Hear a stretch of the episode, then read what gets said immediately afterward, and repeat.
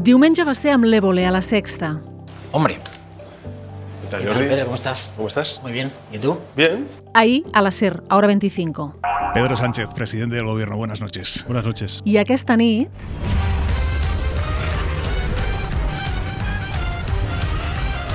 serà a l'Hormiguero, Antena 3. Pedro Sánchez ha començat un tour pels mitjans afins i pels que no ho són tant per intentar remuntar unes enquestes que menys d'un mes de les eleccions el situen, la immensa majoria, fora de la Moncloa. Soc la Carla Torró i avui a l'Ara, Pedro Sánchez de gira per les televisions. Li va dir el propi Évole a l'entrevista que van mantenir diumenge. Si sumamos, sumadas, ¿eh? Las entrevistas que usted le ha dado en los últimos cuatro años a Ana Rosa Quintana, a Vicente Vallés y a Carlos Herrera, ¿sabe cuántas son? Pocas, por no decir eh, ninguna. Son cero. Gerard Prunà, què tal? Molt bon dia. Bon dia. És cert que d'entrevistes a Ana Rosa, a l'Hormiguero, Pedro Sánchez no n'ha donat masses. No n'ha donat gaires. He de dir que, que ara el focus és Pedro Sánchez perquè és qui ha canviat l'estratègia, però que aquest és un factor molt... que malauradament es repeteix moltes vegades amb molts polítics, que des de fa uns anys només donen entrevistes als mitjans que consideren que se sentiran més o menys còmodes. Llavors eh, creuen que els resta més que el suma anar a mitjans que els hi van a la contra. Pedro Sánchez aquesta nit anirà a l'Hormiguero, en el que és un canvi evident, perquè quan, quants anys deu fer que no hi anava? Doncs jo diria que l'última vegada que hi va anar és 2016. 2016, imagina't. Per què? Per què Pedro Sánchez fa aquest canvi i començaran a l'Hormiguero i en altres programes que clarament no li són afins? Bé, perquè a un mes de les eleccions s'ha donat compte que hi ha una part molt gran del país que no l'ha sentit parlar mai i que l'únic que sap d'ell és en base al relat que han construït aquests mitjans, moltes vegades a la contra, es, explicant el, el que ells anomenen el sanchisme com gairebé una plaga bíblica. I aleshores intenten allí a, a desmentir aquest, aquest relat. Què és el sanchisme? Com el podríem definir? Bueno, el sanchisme és tot lo dolent que li ha passat a Espanya en els últims quatre anys si li preguntes en aquests mitjans. És a dir, el sanchisme representa uh, totes les polítiques del govern d'esquerres, els impostos, el, les polítiques de feministes, um, els debats amb els independentistes, és a dir, tots els gestos de distensió amb Catalunya, uh, són una sèrie de polítiques que, que o l'impost l'impost als poderosos, mm -hmm. uh, són una sèrie de polítiques que des d'aquest tipus de mitjans s'han demonitzat en els últims anys. Hem dit que aquesta nit va a l'Hormiguero. Hi haurà més entrevistes en els propers dies. Sí, o sigui, portem una sèrie gairebé entrevista diària de Pedro Sánchez, no? Va començar la setmana passada, també va anar a l'Alzina, a Onda Cero, que és una cosa que tampoc feia habitualment, mm -hmm. perquè tampoc és una entrevista plàcida, normalment.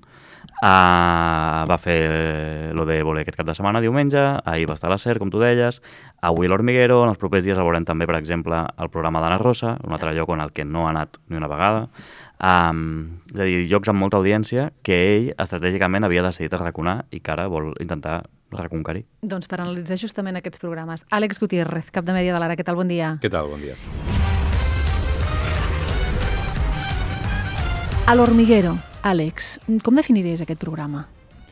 Home, és un programa que té moltes capes de significat mm -hmm. i que, per tant, la capa exterior és allò famosa frase de hoy ha venido a divertirse, però és un programa que, evidentment, té una certa línia editorial, carrega més cap a una banda cap a una altra, mm -hmm. va prendre decisions polèmiques, com en el seu moment doncs, entrevistar Santiago Abascal sota el pretext que ho feia doncs, per conèixer la persona darrere el personatge. Això sempre té un punt d'hipocresia, perquè, evidentment, eh, un polític professional, la persona que mostra, fins i tot quan mostra coses personals en pantalla, són coses que estan estudiades, que hi ha un equip de comunicació que haurà dit, escolta, hem de subratllar aquests valors, etc.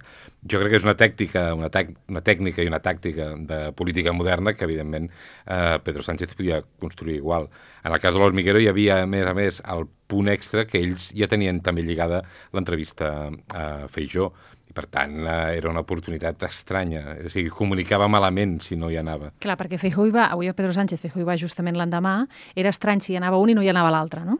Sí, sí, efectivament, era cedir-li, era d'alguna manera, semiòdicament, eh, dir als, als espectadors d'aquest programa jo no sóc dels vostres. Clar. I l'altre, sí, jo no em trobo còmode aquí, per tant no em trobo còmode entre vosaltres. I això, evidentment, és un missatge profundament antielectoral.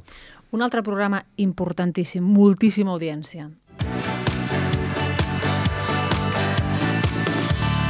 Hola, muy buenos días. Ana Rosa Quintana, que ha estat fent els matins a Telecinco i que, a més a més, ara farà també les tardes, que acumula una audiència increïble.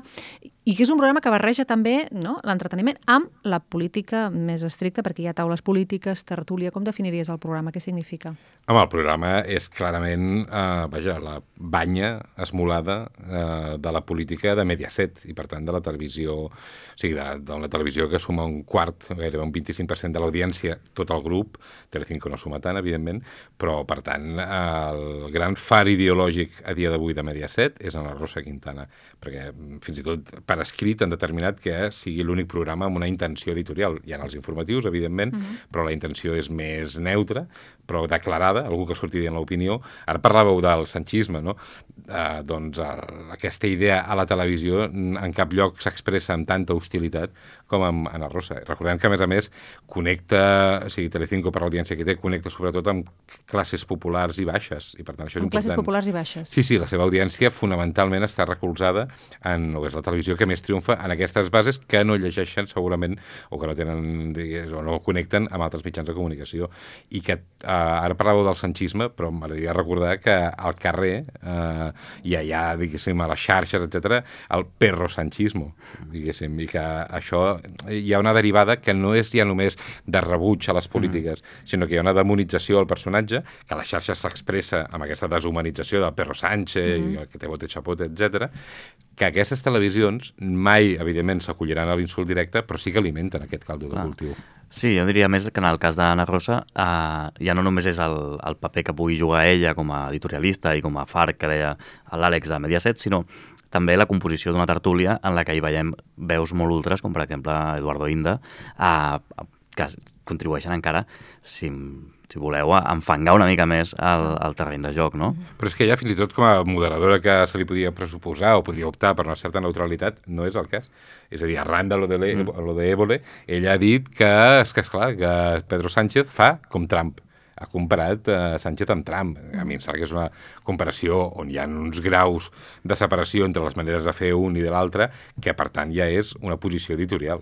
Ells són conscients, i anava a dir, això és clau, perquè és veritat que els partits organitzen campanyes on hi ha mítings eh, i on hi ha actes i on fan moltes coses convençuts pels seus, però la gent el que veu sobretot i on s'està informant, mm. encara avui, és molt més a la televisió, no? No sé si informant és la paraula. No, en el potser informant no és la paraula. De rebre, no? de rebre dades, etc. però sí que eh, crea genera o, o adhesions o rebutjos emocionals, de pell. Jo crec La que sí capacitat que... de crear opinió, no? Sí, de crear opinió i de generar pell. És a dir, que al final hi ha un punt que els candidats et donen o et donen. Pedro Sánchez és una persona que ja s'ha subratllat, no? que té una bona presència física, un bon carisma, etc. I jo crec que en aquest terreny es veu en cor eh, de superar Feijó, que, que té un perfil personal una mica més apagat. Aleshores, confia, suposo, en aquesta capacitat eh, d'ara d'adoptar un discurs una mica victimista, de dir, no, a mi és que m'han fet això, jo, pobre de mi, veieu que això és una construcció dels mitjans que em són hostils. A mi em sembla difícil rebutjar, o sigui, refusar o refutar aquesta concepció d'hostilitat en els mitjans que justament l'han creada, perquè evidentment tindran mecanismes per reforçar-la, amb les tertúlies, amb les taules posteriors, amb les anàlisis. Però és un, diguéssim, com a estratègia s'entén bastant És una bona perfectament. estratègia, Gerard? Bueno, és, diguéssim, una estratègia gairebé desesperada. És a dir, jo crec que estic d'acord amb l'Àlex que no sé fins a quin punt serà efectiva, perquè és molt difícil eh, quan tu portes 4 anys d'anar filtrant un, un relat i un missatge i, una, i anar dibuixant un personatge a través de les tertúlies, les converses o, o, o a mi el cas de l'Hormiguero és el que més em sorprèn, eh? perquè clar, era un programa que havia sigut d'entreteniment i que ara, de cop, des de fa un temps, té un component que durant una estona és una tertúlia que s'ha convertit en el principal assot del govern de coalició ara mateix. Però vull dir que és difícil combatre en una entrevista d'una hora, mitja hora, aquests quatre anys. I per tant, segurament hi tens més a perdre que a guanyar, però quan ja ho tens tot perdut, o gairebé tot perdut, doncs al final és el que et queda. Perquè les principals enquestes que hem conegut fins ara el deixen fora de la Moncloa. Bé, o sigui, tot està, tot està just, però és veritat que la majoria d'enquestes eh, posen una majoria PP-Vox bastant, bastant propera.